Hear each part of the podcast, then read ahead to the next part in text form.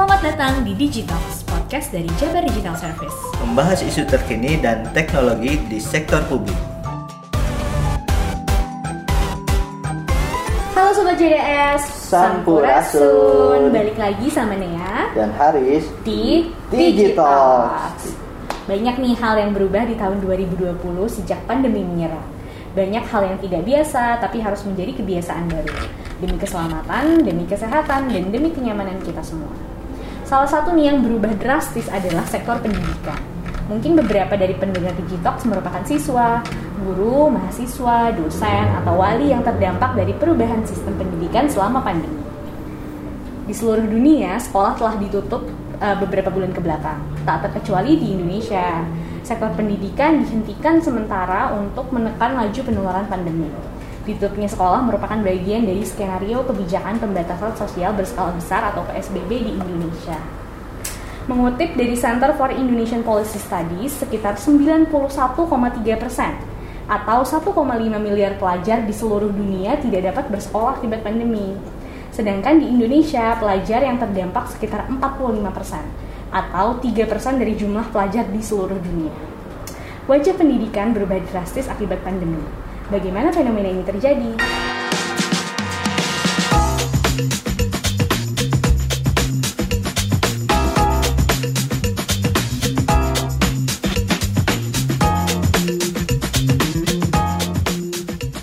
Di tengah pandemi, pelajar memulai fase baru dalam sistem pendidikan Indonesia. Eh, pelajar hari ini harus beradaptasi dengan kebaruan sistem yang disebut pembelajaran jarak jauh hingga ditiadakannya ujian negara. Masih menjadi perdebatan mengenai Ujian nasional kan? ujian nasional. U- U- UN tuh ujian nasional kan? Oh iya iya. ulang ulang ulang. Gak apa-apa lanjut aja. Oh lanjut. ya, ujian nasional lanjut. Uh-uh. Ya. Masih menjadi pendepa- perdebatan mengenai bagaimana pendidikan semestinya berjalan dengan virus menja- masih menjadi ancaman. Sekolah tatap muka terlalu riskan karena berisiko terjadi kerumunan dan meningkatkan penularan. Namun sekolah online juga penuh tantangan mengingat kepemilikan fasilitas dan tingkat literasi digital masih ada kesenjangan. Iya, ini dari tadi rhyming ya. Ya. Ngobrolin tentang kesenjangan nih, ada Oke. kisah inspiratif dari eh, kepala sekolah eh, namanya eh, Pak Mulut Sugito dan guru eh, dari guru Wiyata Bakti SMPN 4 Bawang. Jadi kepala sekolah dan guru Mm-mm. eh, di Jawa Tengah. Mm-mm. Berit- Berita ini kita sadu dari bisnis.com. Oke. Jadi selain kurangnya fasilitas internet yang dimiliki anak didik, eh, tidak semua tenaga pendidik itu menguasai eh, apa namanya teknologi digital. Mm-mm. gitu. Buat Ah, melakukan pembelajaran jarak jauh pembelajaran jarak online. jauh. Ya. Siswa pun eh, juga ada yang tidak memiliki smartphone Mm-mm. atau bahkan sekalipun telepon genggam gitu. Oke. Nah, Telepon Eh, genggam yang tenot-tenot ya, yang ya, buat nelpon doang. yang buat nelpon sama SMS doang, Aha.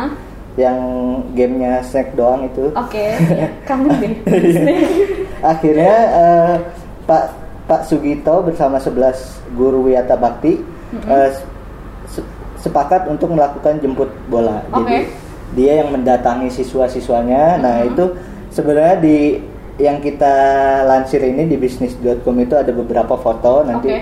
kita apa linknya kita taruh di deskripsi Iya. nanti bisa bisa ini bisa lihat secara langsung jadi eh, ada perjuangannya Pak Sugito ini melewati aliran sungai di dasar bukit saat mengantar lembar tugas siswa secara langsung ke rumahnya juga ada beberapa foto eh, mereka mengajar di rumah siswa-siswa jadi Mhm. datang ke rumah eh, nggak cuma apa namanya ngebagiin lembar tugas Mhm. mereka juga mengajar juga di sana gitu Iya.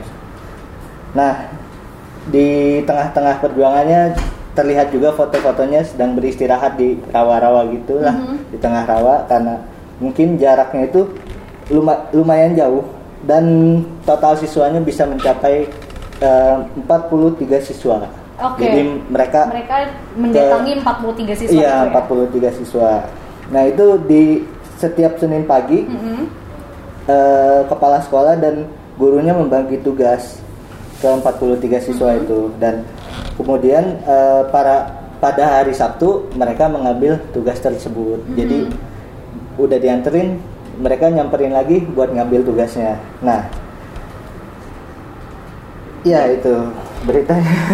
itu adalah beritanya ya. Iya. Mungkin yang bisa kita ambil dari berita apa insight-nya ya dari berita ini kan uh, pembelajaran jarak jauh itu yang dikonsepkan adalah secara online ya. Secara online. Pakai Zoom, pakai WhatsApp call Iya. mungkin atau uh, Google Classroom. Iya. Mungkin yang lebih fancy-fancynya pakai Google Classroom gitu Iya. kali ya. Bisa ada uh, formatnya juga kayak webinar Iya. gitu mungkin. Tapi uh, seperti yang kita tahu di Indonesia masih uh, bahkan di Jawa Barat ya masih ada kesenjangan digital gitu. Ada wilayah-wilayah yang dia simply nggak punya koneksi internet atau nggak punya gadget Masih jadi blank spot ya. masih blank spot atau misalnya ada nih koneksi internet tapi nggak memadai dan misalnya nggak semua siswa atau guru bisa afford bisa membeli paket misalnya. Iya. Yang kayak gitu. Bisa membeli paket belum tentu nanti harus ke bukit dulu harus ada sinyal Iya, ya kan. nyari yang ada sinyalnya gitu. Iya. Masa lagi mau apa pelajaran terus kayak gini Iya. mencari-cari sinyal Iya, gitu. iya. Nah ini adalah uh, potret mungkin ya, potret gimana sih perjuangan para guru untuk tetap memenuhi hak hak siswa Iya. untuk belajar uh, di tengah pandemi yang tidak memungkinkan sekolah untuk buka dan keadaan lainnya adalah eh, nggak bisa menggunakan teknologi digital juga kayak gitu ya. Ini adalah yang harus diperhatikan sama pem- eh, pembuat kebijakan. Eh, Kira-kira gimana nih caranya kita nggak boleh buka sekolah karena emang ya bahaya lah ya. Masih kayak riskan, gitu. ya. Masih sangat riskan Apalagi anak-anak kan. anak-anak lagi banyak maksudnya di dalam satu kelas tuh banyak pasti Uh, tapi harus juga memperhatikan uh, wilayah-wilayah seperti ini kan ini nyata banget gitu Iya. bahkan ada potretnya di sini Ntar teman-teman kalau mau lihat fotonya tadi uh, ada di kolom deskripsi iya. kita ya nah terus ini ada berita lain kalau tadi kan soal belajar mengajar Iya. ya Uh, nah ini tuh ada uh, beritanya cukup unik Iya. karena ternyata yang online bukan cuman belajar mengajar doang, Terus tetapi apa? juga wisuda. Oh, sudah. Iya, wisudanya online. Tapi yang ini lebih lucu lagi sih, nggak cuma mungkin wisuda online kayak pidatonya online, Oh, atau apa wisudawannya di rumah mendengarkan. Ah. Tapi kalau yang ini eh, berita dari merdeka.com di Jepang di tengah penyebaran COVID-19 ada BBT University namanya tetap melakukan upacara kelulusan sejumlah mahasiswanya. Namun yang diwisuda adalah robot. Wah. Jadi pakai robot. Nama robotnya itu Nyumi dihadirkan untuk menggantikan para wisudawan kayak gitu. Jadi Presiden Business Breakthrough, eh, Breakthrough University atau BBT University dia memimpin upacara wisuda menggunakan robot yang dijuluki Nyumi ini di Tokyo. Eh, di tengah penyebaran virus corona, eh, BBT University eh, apa eh, melakukan upacara kelulusan. Nah, robot ini tuh eh, pakai toga. Oh, pakai toga. Mereka pakai toga Jadi berbentuknya kayak, kayak manusia, manusia, kayak, manusia. robot robot yang gitu lah. Cuma Iya, dia iya. pakai toga gitu, pakai toga, pakai jubah. Kemudian di kepala robotnya ada iPad yang menampilkan wajah wisudawan. Iya, iya, iya.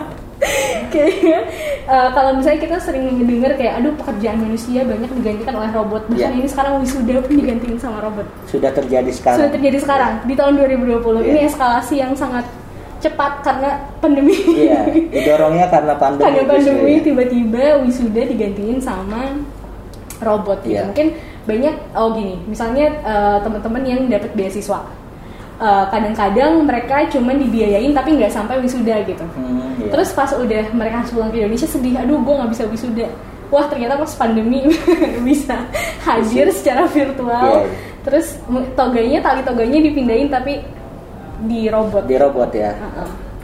Lucu sekali. Nah, si robot ini dioperasikan secara langsung dan jarak jauh oleh para wisudawannya sendiri. Hmm. Kayak gitu. Jadi ada eh, empat wisudawan yang mengikuti upacara kelulusan ini, dua sarjana dan dua pasca sarjana. Jadi mereka ini yang secara simbolisnya doang. Perwakilan, Perwakilan. untuk datang ke sana ya. ya. Eh, enggak, jadi yang ada di dalam robotnya adalah empat orang itu doang. oh, empat orang itu doang. Iya. Jadi enggak semuanya. Enggak, capek kayaknya robotnya. Oh iya. Lobet ntar. Robot dia Lobet. harus dicas. Iya, iya. Kalau kan wisudawan berapa ratus atau berapa Iya, ribu iya, mungkin iya. ya.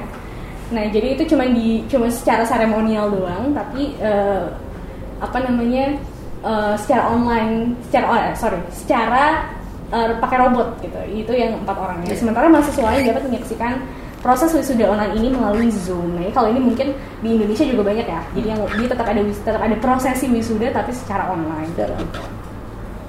Nah, ini kemarin sempat ramai juga di sosial media. Mungkin kita kasihan dalam tanda kutip dengan angkatan 2020 karena mereka nggak bisa wisuda gitu. Mm-mm. Dan kemarin ada challenge yang agak aneh itu loh. challenge yang apa sih wisuda LDR 2020 Oh challenge. iya iya. Katanya sih buat menyemangati, Menyemangati. teman-teman wisudawan tahun 2020. Yang mereka upload foto wisuda. lagi wisuda itu agak itu agak aneh ya agak sed- malah jadi bikin sedih gak sih iya, bikin kayak sedih. aduh gue gak bisa kayak gitu loh iya. pamer lagi Iya anyway juga ya. itu agak lucu kan Bener-bener. anyway uh, jadi tapi uh, mungkin kita sekarang agak mm, sedikit apa uh, kasihan atau prihatin kepada angkatan 2020 yang nggak bisa merasakan deg-degannya hari pertama masuk sekolah, orientasi, dan nggak bisa ngerasain seremoni pas wisuda. Tapi angkatan 2020 mungkin adalah angkatan pertama yang uh, merasakan uh, semua kegiatan pendidikan mulai dari ospek hingga wisuda secara online gitu. Secara Itu tuh online. part of history juga kali ya buat uh, temen-temen. Sebenarnya itu kan asik juga ya sebenarnya Iya, waktu kayak itu awal. bisa jadi cerita di Iya cerita. Di balik dia nggak bisa, ya tadi nggak bisa ngerasain deg-degan secara langsung itu ketemu senior suruh bikin yel yel, Ah. joget joget depan senior kan. Ini ada cerita di balik itu ya. ada cerita di balik itu dan mungkin uh, ada hal-hal unik yang menggantikan uh, sensasi-sensasi tersebut Iya, gitu. Mungkin ospeknya secara online, terus kayak belajarnya secara online pasti ada cerita-cerita sendiri Iya, kan. Kayak tadi cerita soal robot wisuda ini kan menarik juga. Menarik kan. ya, un- unik sekali ya unik dan sekali, udah ma- modern banget lah istilahnya Mm-mm. udah maju banget. itu kayak potret pendidikan tahun 2020 adalah ini. Iya. Nah, sebenarnya eh, kira-kira sampai kapan sih sekolah bakal eh, tutup dan bisa melakukan pembelajaran tatap muka eh, normal kembali istilahnya gitu. Mm-mm. Mulai masuk lagi siswa itu kapan? Nah, Mm-mm. kalau eh, di Jabar sendiri, ya, Mm-mm. jadi berita dari jabarnews.com, Mm-mm. sekolah di zona hijau penyebaran virus corona dapat kembali melakukan kegiatan belajar mengajar secara tatap muka eh, tahun ajaran baru eh, Senin 13 Juli. Tapi yang zona hijau doang. Hanya ya. yang zona hijau yang Iya. boleh kembali buka ya dan Uh, tatap muka. Nah, saat ini satu-satunya daerah yang masuk zona hijau eh, itu baru Kota Sukabumi. Oke. Nah, Hmm. Dinas Pendidikan Ja- Jawa Barat Dedi ini Kepala Dinas Pendidikan Jawa Barat Dedi Supandi Mhm. telah menerbitkan aturan pelaksanaan belajar mengajar tatap muka di sekolah saat masa AKB. Mm-mm. Salah satunya yang diatur yakni pembagian jumlah siswa saat mengikuti belajar tatap muka. Jadi Nah, nggak eh, yang hijau tuh boleh melakukan tatap muka tapi masih ada aturannya ya. Iya masih ada aturannya. Nah itu dibatasin eh, jumlah siswanya. Nah paling banyak itu hanya eh, 18 siswa yang diperbolehkan untuk eh, masuk kelas. Mm-mm. Nah, Jadi dalam satu kelas hanya 18 siswa. 18 siswa. Jadi kalau misalkan siswanya ada 30 ya 18. Sisanya itu eh, 12 orang lagi itu secara eh, online, secara online. Nah, pembagian sis- eh, pembagiannya itu nanti dilakukan secara bergantian. Mm-mm. Jadi shifting gitu. Mm-mm. Seha- hari ini eh, masuk kelas, besok online. Oke. Nah, ganti-gantian Mm-mm. biar biar adil juga ya. Dan eh, Lama belajarnya gimana? Lama belajarnya eh, waktunya apakah sama nggak kayak Eh, Dedi mencontohkan dari Senin hingga Rabu sebanyak 18 siswa belajar di kelas dan sisanya belajar di rumah tadi ya, Hmm. saya bilang. Hmm. Terus kemudian eh, saat eh, saat belajar di kelas siswa akan dibekal diberikan bekal panduan ketika nanti menghadapi giliran belajar di rumah. Hmm. Jadi eh, pas di kelas dikasih modul Mm-mm. Eh, nanti ada juga pas giliran dia belajar di rumah, dia belajar dari modul tersebut. Nah, Oke. gantian yang yang masuk yang Yang eh, belajar secara langsung. Iya, belajar secara langsung. Terkait lama belajar yang Mhm. tadi Nea tanyakan Mhm. itu di sekolah setiap hari siswa akan belajar seperti biasa pagi hingga siang hari. Nah, Mhm. bangku di dalam kelas juga perlu diatur dengan jarak 1,5 meter antar bangku. Nah, itu harus eh, protokolnya ya. Mhm. Jaga jarak juga. Eh, pihak sekolah juga mempersiapkan sarana prasarana penyebaran COVID seperti tempat cuci tangan, Mm-mm. eh, terus alat cek su- suhu tubuh dan tisu. Siswa juga diwajibkan mengganti tisu yang berada di dalam masker wajah setiap 4 jam sekali. Nah, Oh jadi maskernya harus dilapisi lagi. Iya ya? dilapisi lagi. Jadi bukan yang ya sekarang kan banyak ya masker yang dibuat terus ada yang buat nyelipin tisunya. Oh iya, Nah, ada lapisannya buat naruh ya, tisunya. itu buat karena masker medis kan eh, diprioritasin untuk eh, tenaga medis, Mm-mm. kita pakai yang itu aja. yang Jadi dilapis- nggak apa-apa tapi dilapisin. dilapisin dilapis. tisu untuk proteksi lebihnya Hmm. gitu ya. Nah, UKS juga perlu disiapkan katanya untuk eh, apa namanya melakukan ti- tindakan cepat dalam menangani pasien COVID jika nanti ditemukan adanya gejala-gejala yang Hmm. mirip gitu. Hmm. Jadi harus standby UKS. Lalu sekolah juga eh, harus em, apa namanya membentuk satuan gugus tugas Oke. pencegahan COVID. Mhm. Nah itu untuk penanganannya penanganannya sendiri. Salah satunya itu menceg eh, untuk misalkan menegur ada siswa-siswa yang berkerumun entah di kantin atau Hmm. di lapangan Hmm. atau di depan ruang sekolah itu tetap nggak boleh berkerumun ya. Iya. Nah, menurut Dedi, sebagian sekolah sudah menyiapkan sarana prasarana yang dibutuhkan saat belajar tatap muka. Persiapan dilakukan sejak dimulainya eh, pandemi COVID. Oke. Ya, Mm, Jadi itu. si persiapan-persiapan ini tuh udah disiapin dari pas pandemi dimulai. Walaupun Iya. beberapa kebanyakan bahkan ya sebagian besar sekolah tuh belum buka gitu. Cuman benar. persiapannya udah ada kalau-kalau situasinya membaik, Hmm. wilayahnya masuk ke zona hijau dan bisa melakukan uh, pembelajaran tatap muka Iya. dengan protokol yang tadi udah disebutin sama Haris kayak gitu. Nah, sobat JDS, tadi kita udah ngobrol nih soal pendidikan di masa pandemi. Kelihatan banget banyak yang berbeda ya, banyak Iya. hal-hal baru, banyak hal-hal yang kita nggak nyangka bakal terjadi dan mungkin ada eskalasi kali ya dari penggunaan teknologi misalnya atau penggunaan inovasi-inovasi baru eh, yang tadinya mungkin kita reluctant untuk melakukan itu karena Iya. kayak ya udah sekolah bisa masih bisa datang kenapa kita harus online kayak gitu. Tapi mungkin sekarang gara-gara situasinya dipaksa kita jadi melakukan eh, hal-hal itu. Kita jadi mengadopsi teknologi Iya. jadi mengadopsi inisiatif-inisiatif baru. Mungkin yang lebih efektif dan efisien kayak gitu ya. Yang sebelumnya mungkin kita hmm, kayak ragu aja gitu mau melakukannya karena ya udah kita sudah biasa melakukan pendidikan seperti ini maka kita lakukan seperti ini. Iya. kayak gitu. Nah dan ternyata nggak cuma kegiatan belajar mengajarnya doang yang berbeda tapi mulai dari masa pengenalannya dari ospeknya kemudian KBM-nya dan juga wisudanya berbeda kayak gitu nah minggu kemarin nih kalau nggak salah minggu kemarin atau dua minggu yang lalu eh, kita lihat Kang Emil sempat post di Instagram ya soal MPLS Challenge bikin video AKB di Iya. TikTok atau di video biasa. Ini anak-anak zaman sekarang banget ya Iya. pokoknya.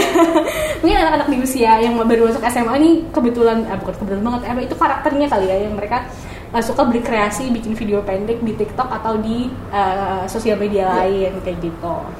Menarik banget ya ini tuh. Nah sekarang kita bakal eh, dengar langsung aja kita ngobrol dengan pelaku pendidikan di Jawa Barat soal serba-serbi sekolah jarak jauh ini, termasuk soal MPLS Challenge, MPLS Online Challenge kayak gitu. Kita langsung aja dengerin di segmen Ngobrol bareng Wargi.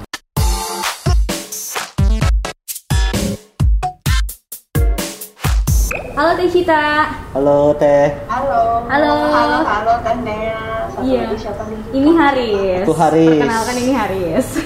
Oh, halo Kang Haris. Iya. Eh, ini kita tadi ngobrolin soal eh, sektor pendidikan yang sangat terdampak ya selama pandemi ini sampai semua kegiatannya eh, pindah ke online kayak gitu. Iya. Nah, kita mau ngobrol bersama eh, Teh Cita dari Jabar Masagi. Eh, sebelum eh, apa eh, biar sobat JDS tahu mungkin eh, kenalan dulu kali ya sama Teh Cita, kayak Teh Cita di Jabar Masagi sebagai apa dan Jabar Masaginya adalah apa? Oh, oke. Oke, Teh. Terima kasih banyak kan ya. Eh, jadi kenalan dulu ya.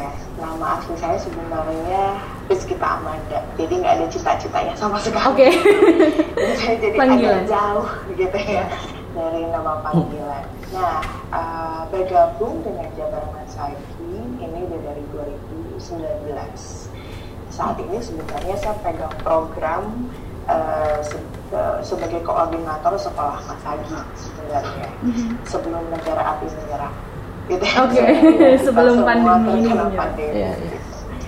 Uh, nah, untuk yang mungkin belum tahu gitu ya Jabar Masagi kayaknya uh, untuk di Jabar sendiri uh, gaungnya sebenarnya udah agak lumayan ya mm-hmm. gitu. Uh, tapi mungkin ada beberapa yang belum tahu gitu di Mama Sabi kita biasanya bilangnya JM ya biar lebih singkat. Boleh.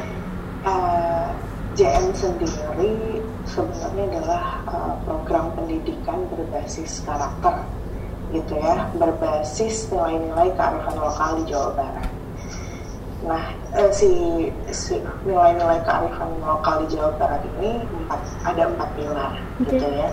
Surti, uh, bagaimana kita belajar menginsapan, empati, ya, terus kemudian hati, belajar berpikir, bukti, belajar melakukan, dan bakti. Jadi tidak hanya sampai kita bisa melakukan, tapi juga sampai uh, kita harapannya kita bisa sampai melayani kita tuh berbakti hmm. gitu ya kepada semua apa ya makhluk Tuhan. Hmm.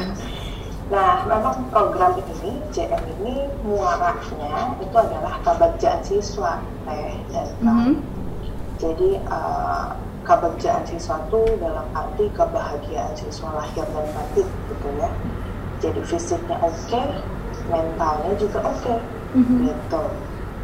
Uh, meskipun memang muaranya di kebagjaan siswa, tapi semua unsurnya juga terlibat. Jadi nggak hanya siswanya aja, tapi juga bagaimana kepala sekolah, guru, uh, pengawas, orang tua gitu ya dalam hal ini mungkin beberapa diwakilkan oleh komite sekolah gitu ya itu bisa bersinergi bersama dalam membangun lingkungan yang mendukung kebahagiaan si siswanya itu sendiri gitu. Nah sehingga lebih jauh lagi harapannya sih bisa uh, mewujudkan generasi masa depan Jawa Barat yang beriman, berkarakter sehat, cerdas. Nah, gitulah kira-kira teman Jabar Wasagi. Gitu yeah. Nah, tapi uh, apa namanya? Kalau kita ngerunut gitu ya ke visi dan misinya mm -hmm. uh, di Jabar Masagi ya sebenarnya sih kalau untuk visinya sendiri memang menumbuhkan si manusia itu ya manusia Jawa Barat yang harmoni gitu ya uh, dengan dirinya sendiri uh, dengan alam dan juga dengan seluruh makhluk hidup gitu ya untuk mewujudkan nilai-nilai kemanusiaan ya. hmm. intinya sih sebenarnya gitu. karena awalnya dari pendidikan gitu ya Hmm, secara jadi kita pengen menumbuhkan manusia yang holistik lah gitu. hmm. gitu nggak yeah. hanya nggak hanya dari uh, kognitifnya aja kita nilainya gitu ya terutama untuk siswa-siswa di sekolah tapi juga bagaimana dia bisa mendapatkan diri di masyarakat gitu ya uh, ya itu tadi berbakti uh, di masyarakat melayani dan sebagainya Oke, terima kasih banyak nih Cita perkenalannya dengan Jabar Masagi karena saya juga baru tahunya dari sosial medianya aja kali ya kayak uh, melihat yang terjadi di sosial medianya Jabar Mas Agi. Iya, iya, iya. Nah sekarang nih kan uh, sudah masuk tahun ajaran baru ya Teh ya dan di Jabar yeah. sudah diputuskan kalau uh, tahun ajaran barunya akan dimulai secara jarak jauh gitu. Yeah. Kemudian PJJ mungkin ya. iya PJJ. Kemudian mungkin uh, Teh Cita bisa ceritakan dari kacamata Jabar Masagi atau dari distrik Jabar tuh bagaimana sih pandangannya mengenai KBM online? Oke, okay, baik. Uh, eh, KB, kalau kita bicara KBM ya, mm-hmm. mau itu online, mau itu offline itu nggak pernah nggak challenging sebenarnya, gitu ya. Ditambah lagi sekarang kayak semacam uh, mau nggak mau gitu dalam tanda kutip kita dipaksa untuk uh, beberapa langkah lebih maju gitu hmm. ya dari yang tadinya kita udah biasa bertemu tatap muka gitu ya. Uh, apa namanya sekarang semua harus berubah. Jadi uh, saya pikir semua pasti akan kaget ya dalam dalam uh, menghadapi hal ini gitu. Dan apa namanya bukan hal yang mudah tentu saja untuk sekolah untuk uh, guru-guru gitu untuk siswanya sendiri gitu bahkan juga untuk orang tua di rumah gitu ya karena ternyata banyak juga orang tua yang jadi stres juga nemenin anak belajar hmm, gitu kan yeah. Iya. nah uh, apa namanya sehingga memang pandemi yang menyerang di setengah semester belakangan kemarin ya uh, itu menyebabkan semua pihak harus muter otak gitu. Hmm. kita uh, apa mau nggak mau langkah yang diambil adalah dengan uh, KBM online gitu ya. Uh, memang masih banyak hal-hal yang harus kita upgrade lagi ya terkait dengan pelaksanaan KBM di lapangan gitu. Tapi uh, saya sangat-sangat yakin bahwa setengah uh, semester kemarin gitu ya ketika terjadinya pandemi sebelum masuk ke semester dan tahun ajaran yang baru ini pasti memberikan banyak sekali pembelajaran hmm. gitu ya untuk uh, semua pihak gitu sehingga evaluasinya itu akan selalu uh, di-upgrade oleh uh, sekolah-sekolah based on kondisi real mere yang mereka hadapi sendiri di lapangan gitu. Dan apa saya sangat uh, yakin gitu kami sangat yakin bahwa terlepas dari uh, keterbatasan yang pada saat ini kita punya masing-masing gitu ya tapi semua pihak pasti uh, berupaya yang terbaik lah gitu untuk untuk mewujudkan si KPM online ini bisa berjalan setidaknya lebih efektif gitu ya uh, lebih efisien gitu dan lebih bermakna gitu ya untuk semua pihak. Nah soalnya kami juga sebenarnya dapat ini dapat berita-berita kabar-kabar gitu ya bahwa banyak praktik baik yang hmm. sudah dilakukan di sekolah gitu jadi kami juga kaget gitu ya bahwa ternyata di tengah-tengah huru hara ini gitu ya uh, pihak sekolah juga push their limits lah gitu ya mm-hmm. untuk terus kemudian uh, menciptakan dan berinovasi hal-hal yang uh, ternyata menjadi praktik baiknya mereka. Contohnya apa ya teh? Ya dalam dalam upaya dalam upaya ini ya uh, apa namanya mendukung si KBN KBN-nya mm-hmm. gitu ya untuk berjalan lebih efektif dan efisien gitu. Contoh praktik baiknya kalau boleh tahu apa tuh teh? Macam-macam kayak kemarin kalau misalnya ngikutin apa namanya uh, webinarnya Jabar Masagi nih mm-hmm. uh, kemarin itu sempat uh, ada uh, kepala sekolah dari SMN satu Lembang terus SMKN satu Pacet dan apa namanya SMKN 15 Bandung gitu ya. Itu yang sharing praktik baiknya gitu. Mm-hmm mereka itu kayak semacam berupaya sangat-sangat berupaya menyediakan kuota, menyediakan hmm. handphone gitu loh untuk murid-muridnya gitu. Bahkan ketika ada yang apa namanya uh, sinyalnya jelek gitu lah atau katakanlah handphonenya bahkan eh, nggak uh, punya atau device nggak punya gitu ya itu mereka juga memikirkan caranya berstrategi juga gitu sehingga si si siswa itu bisa ikut sama temennya gitu. Oh, okay. yeah. Sehingga si materinya tetap bisa uh, diakses gitu. Terus uh, kemudian um, pelajaran-pelajarannya tentu saja jadi tematik ya. Mm-hmm. Jadi bukan hanya uh, apa namanya mengacu kepada kurikulum yang ada iya, tapi penyesuaian uh, di lapangan juga tentu iya gitu ya uh, sehingga sehingga sangat uh, apa ya sangat bisa berkolaborasi dengan beberapa guru mata pelajaran. Jadi konsepnya udah sangat berubah ya, bukan lagi kalau kita dulu bahasa Indonesia bahasa Indonesia aja belajar gitu kan. Hmm. Uh, uh, terus apa lagi sih IPS atau geografi gitu ya, gitu aja. Nah kalau ini uh, bisa sangat-sangat uh, terintegrasi gitu ya. Jadi apa masing-masing dari guru mata pelajarannya itu kemudian berkumpul bersama memberikan satu materi yang uh, apa agar dan bisa dimaknakan kurang lebih begitu lah. Oke. Okay. Terharu ya. Ya. Jadi ada inovasi, nggak cuma inovasinya nggak dalam bentuk teknologi aja, tapi juga dalam pengajarannya berubah juga ya kayak untuk Dalam beradaptasi. iya. Iya. Nah, tadi kan eh, teh kita udah cerita nih tentang eh, praktik baik eh, nanti proses KBM ke depannya gimana. Kita tarik dulu ke eh, ke proses awal gitu. Biasanya kalau eh, sebelum pas tahun ajaran baru itu ada yang namanya masa pengenalan lingkungan sekolah atau MPLS ya. Ya, nah kalau sekarang kan eh, banyak tuh eh, saya lihat di Instagramnya JM itu ada yang namanya MPLS Challenge ya kalau nggak salah. Nah itu eh, menarik Lucu-lucu, sekali gitu iya, ya, lucu dan lucu-lucu ya. menarik.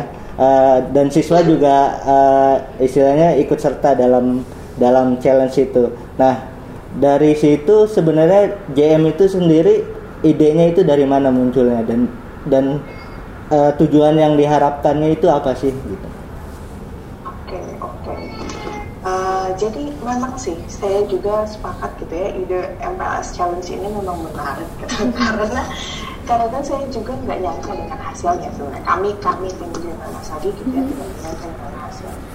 Sebenarnya mulainya kalau ditanya mulainya dari mana niatnya itu adalah sesimpel bisa mengajak anak-anak baru gitu ya untuk punya sikap positif uh, di tengah pandemi ini Hmm. gitu. Karena kan uh, meskipun semua anak-anak eranya sekarang digital ya. Iya. jadi meskipun apa namanya anak-anak tuh uh, hampir hampir uh, banyak waktu menghabiskan banyak waktu di depan layar atau di di gadgetnya gitu ya. Tapi kan uh, ada sus, ada rasa bosan juga yang mungkin keluar gitu kan. Udah mulai jenuh juga gitu sehingga uh, awalnya sih itu. Jadi uh, yuk kita tumbuhin lagi yuk si sikap positifnya anak-anak nih di tengah Hmm. pandemi. Uh, pandeminya aja juga udah challenging kan ya sebenarnya. Iya. ditambah sekarang kan juga harus beradaptasi dengan si kebiasaan barunya itu gitu. Yang pasti nggak akan serta merta lah dan pasti butuh proses gitu ya. Nah eh, balik lagi tadi bahwa anak-anak itu sekarang dunianya sudah serba digital maka kami eh, Jabar Mas Hadi, yuk ah kita berpartisipasi untuk nambah keseruan dan membakar semangat si anak-anak ini Hmm. gitu. Apalagi niatnya tuh benar-benar eh, itu dan dengan membuat si video AKB atau adaptasi kebiasaan baru ini selama satu gitu ya. Eh, tentang si AKB-nya sendiri ya harapannya adalah dengan membuat video itu si siswa kan bisa aware ya Hmm. terhadap lebih aware soal AKB gitu ya bahwa ya ini adalah situasi yang tidak mungkin kita pungkiri tapi harus kita hadapi namun kita harus berstrategi gitu kan nah selain siswanya yang aware ya harapannya orang-orang di sekitarnya juga aware gitu bahkan karena ini di share di sosial media gitu ya eh, harapan lebih luasnya lagi ya masyarakat juga ikut teredukasi intinya gitu sih sebenarnya Ya. apalagi anak-anak sekarang kreatif banget Iya. lucu hasil-hasilnya Iya, iya. tuh dan mereka tuh bisa menyampaikan dengan cara yang apa namanya sangat-sangat menarik, menyenangkan tapi juga informatif gitu. Hmm. Iya. Jadi tuh ya gitu loh lucu lucu banget. Sambil menyelam minum air kali ya. Ada ribuan. Ribuan yang ikut? Di Iya. Kita juga gak nyangka bahwa ternyata mereka begitu antusias ya, Hmm. merasa tertantang dan ingin mencoba gitu. Iya. Jadi mungkin sambil itu ya, sambil apa mencoba membakar semangat siswa di tahun ajaran baru yang nggak biasanya ini biasanya tahun ajaran baru masuk ke sekolah gitu ya tapi ini sedih harus di rumah Iya. Tapi dibakar semangatnya dengan MPLS Challenge Iya. ini sambil mengedukasi nggak cuman kepada orang-orang yang nonton tapi kepada diri mereka sendiri kan mereka kalau mau buat video kan oh nyari tahu dulu apa nih AKB kita Ah, harus benar, apa benar. gitu ya Iya. harus cari tahu harus riset dulu dan jadinya mereka lebih paham karena mereka yang menjelaskan sendiri kan? Iya betul. Iya, betul. Udah gitu kalau baca-baca komen-komennya nih ya dari Mhm, video yang mhm. dikirim itu dukungan dari sekolah, dukungan dari temen-temennya gitu, bahkan keluarganya itu tuh pasti muncul di komen-komennya Hmm. orang yang kirim gitu ya. Itu tuh jadi kayak sem- semacam kitanya juga gitu ya bersemangat dan wah ini memang sih gitu informasi itu zaman sekarang kalau disampaikannya sedemikian menarik seperti adik-adik yang sudah melakukan itu tuh bisa mengundang sekali banyak orang untuk untuk melihat dan Mm-mm. menonton. Kalau challenge-nya sendiri masih berlangsung sampai saat ini? Apa? Kalau challenge-nya MPLS. sendiri, iya MPLS. Oh, challenge-nya sudah ditutup. Oh, udah sudah ditutup. ditutup kemarin. Oh, salah kemarin ya. Itu total ada berapa yang yang ikut teh? total itu ribuan seribu berapa ya seribu seratus apa lebih malah gitu Itu ya. jenjangnya apa aja ya teh? Siswa Apa? dalam jenjang apa aja yang yang bisa ikutan itu kemarin? Oh, kalau jenjangnya sih kebanyakan itu SMA SMK eh, Hmm. tapi ada juga teman-teman SLB yang ikut Oh Wah. oke. jadi dengan caranya mereka sendiri ada yang bikin parodi TikTok ya kalau sekarang ya Iya, mainannya ya ada yang kayak suka bikin video pendek kayak TikTok gitu Mm-mm. ada yang puisi Hmm. ada yang drama gitu jadi bener-bener macam-macam banget gitu eh, hasilnya dan menarik semua Iya. Itu termasuk yang kemarin apa? Ada tuh tarak takdung itu.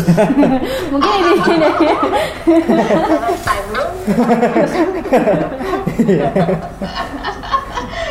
Iya, iya, iya. Ya, itu viral di media sosial mungkin itu uh, hal yang yang lagi populer di usia-usia mereka ya teh ya. Iya, iya. Jadi Betul, uh, uh, dan ini di apa dimanfaatkan dengan cara yang seperti ini tuh menarik banget gitu Iya. dan bisa menarik teman-temannya untuk ikutan juga dan uh, orang lain buat nonton juga Iya, kayak iya. gitu ya teh ya. Lucu banget ya. Super menarik. Iya, oke teh. Eh, sebenarnya itu aja yang mau kita tanyain sama teh kita.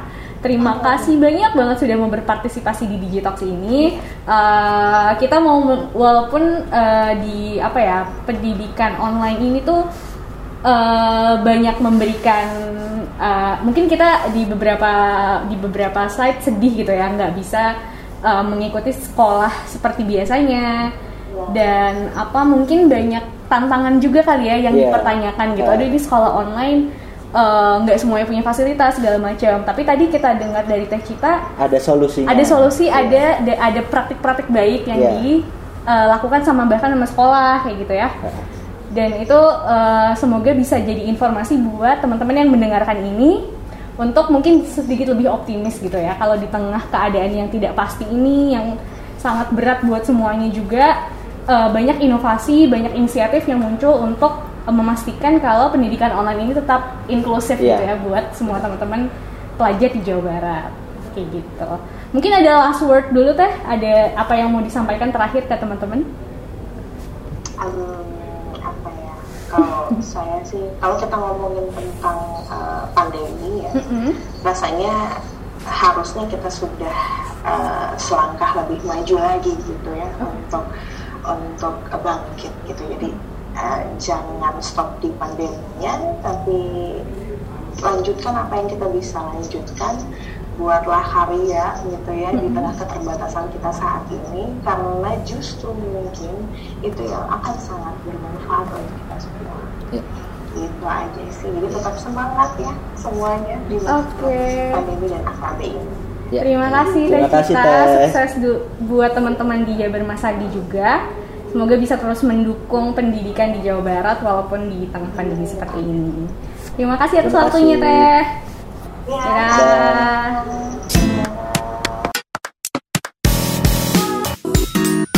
Iya. Nah, tadi kita sudah mendengarkan dari Teh Cita dari Jabar Masagi ya soal uh, pembelajaran jarak jauh, KBM online dan MPLS Challenge. Challenge, yang ya. super lucu itu kata Teh Cita juga. Ada ribuan Dan menarik ribuan- ya. Banyak gitu yang ikut banyak yang ikut. Mungkin karena mereka emang ah yaudah biasanya juga kita bikin video TikTok Iya. kan. Terus ini ada challenge dan dari Kang Emil Nah. juga ada ada hadiahnya kan kalau menang.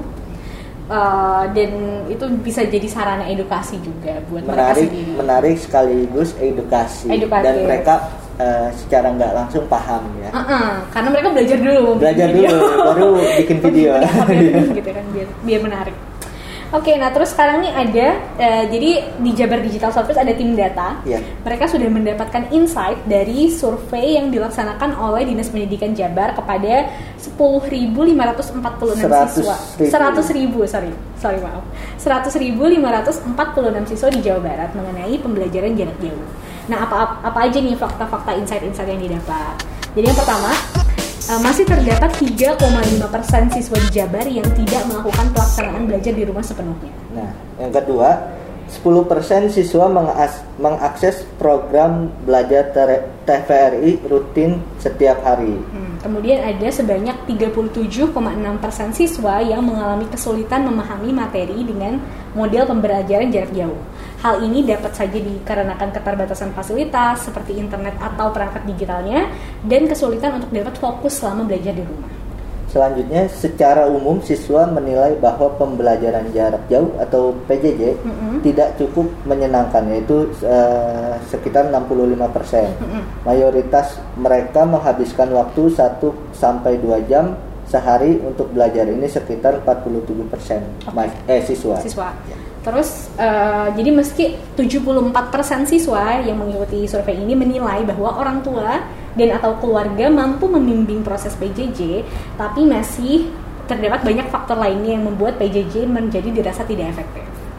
Dan eh, mayoritas siswa mudah memperoleh sumber belajar sekitar 67,2% baik dari buku fisik, pelajaran maupun daring. Selain itu, siswa juga mengakses berbagai sumber digital seperti Ruang Guru, YouTube, Google, Zenius, e-book, bahkan TV dan radio. Oke. Nah, kemudian ini yang kedua surveinya ditujukan untuk wali murid. Ya. Jadi respondennya ada sekitar 95.279 wali murid di Jawa Barat. Yang pertama, terdapat 30% wali murid yang tidak memiliki akses koneksi internet atau wifi di rumah.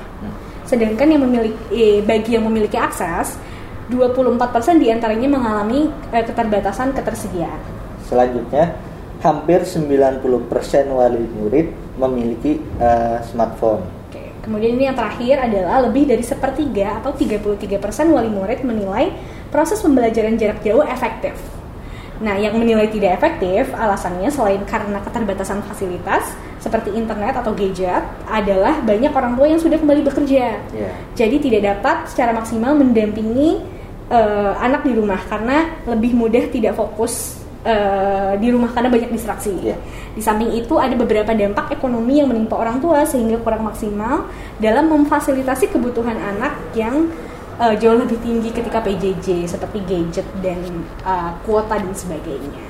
Nah, eh, itu dia fakta-fakta eh, yang terjadi di lapangan sesuai Mhm. survei eh, tim data Jabar Digital Service. Yang survei di Sdik Jabar, Oh, Distrik Jabar. yang mengolah data, Mengolah data tim data. Jabar Digital Sorry, Service. sorry. Jadi eh, itu ternyata masih banyak tantangan Ya. dan masih banyak PR yang harus kita lakukan gitu. Mhm. Selain tadi eh, yang teh kita apa namanya ceritakan karena Mhm. ada ada praktik-praktik baik yang Ya. dilakukan untuk solusi supaya eh, apa namanya siswa tetap ber eh, haknya itu terpenuhi untuk belajar. Nah, Iya, selain betul. itu kita juga masih banyak kesenjangan di mana-mana dan itu masih menjadi PR kita. Iya, itu adalah hal yang harus diperhatikan oleh pembuat kebijakan Iya. dan juga mungkin teman-teman yang ingin swadaya membantu misalnya kayak gitu. Dan eh, apa namanya eh, karena walaupun udah ada inisiatif-inisiatif dari pelaku pendidikannya sendiri, mungkin kita eh, warga Jabar gitu kalau misalnya ing- apa memiliki inis- inisiatif-inisiatif eh, grassroots misalnya eh, mengumpulkan handphone bekas untuk di apa dipinjamkan atau diberikan kepada siswa benar. atau ada program pemberian pulsa kayak gitu itu bisa banget dilakukan. Aku udah lihat di sosial media juga Oh, banyak gitu, udah inisiatif- banyak iya, ya? ada inisiatif-inisiatif yang melakukan ini se- apa ya prinsipnya cuma ingin saling membantu gitu Iya, kan. Uh, prinsipnya orang Indonesia kalian gotong royong kayak gitu. Jadi di tengah keterbatasan ini uh, mungkin bisa mendorong teman-teman juga buat Justru itu yang harus didorong ya. Iya. Gotong royongnya harus gotong ada. royongnya charity-nya Iya. kerelawanannya untuk membantu pelajar-pelajar di Indonesia untuk supaya tidak ketinggalan uh, proses belajar tetap berjalan di tengah pandemi ini kita sambil menekan laju penularan uh, mati mati sumpah gimana dong udah dari tadi barusan Ya udah, Bu. dari sini aja. ya udah ah, biarin deh lanjut ya Lu lanjut ya itu udah aja biarin iya ya Lobet kali. iya benar ya udah lanjut ya Udah Iya. closing kok. Hmm, Jadi mungkin itu kere- kerelawanannya yang harus eh, nggak harus sih, cuman Harus ditumbuhkan. Harus ditumbuhkan. Bukan, bukan harus eh, wajib bukan ya. Bukan. iya maksudnya eh, ini kan kewajiban pemerintah untuk memfasilitasi benar. warganya untuk tetap eh, apa tetap bisa belajar gitu, tetap bisa melakukan eh, proses belajar mengajar. Tapi di tengah kesulitan ini mungkin kita bisa saling bahu membahu untuk eh, apa membantu pelajar-pelajar di Indonesia. Ya itu adalah episode kali ini Ya. soal pendidikan yang eh, ramai sekali dibicarakan dan penting banget kali ya soalnya Penting pendidikan ini Fundamental. fundamental itu dia kata yang tadi gue cari terima kasih sobat jeda sudah Terima mendengarkan kasih. semoga menja- men- menjadi informasi baru atau mungkin jadi bahan obrolan eh, yang lebih apa lebih bisa diserap gitu ya dengan apa eh, kesulitan-kesulitan yang sedang kita hadapi bersama ini. Eh, terima kasih sudah mendengarkan. Sampai jumpa di episode selanjutnya. Selanjutnya, dadah.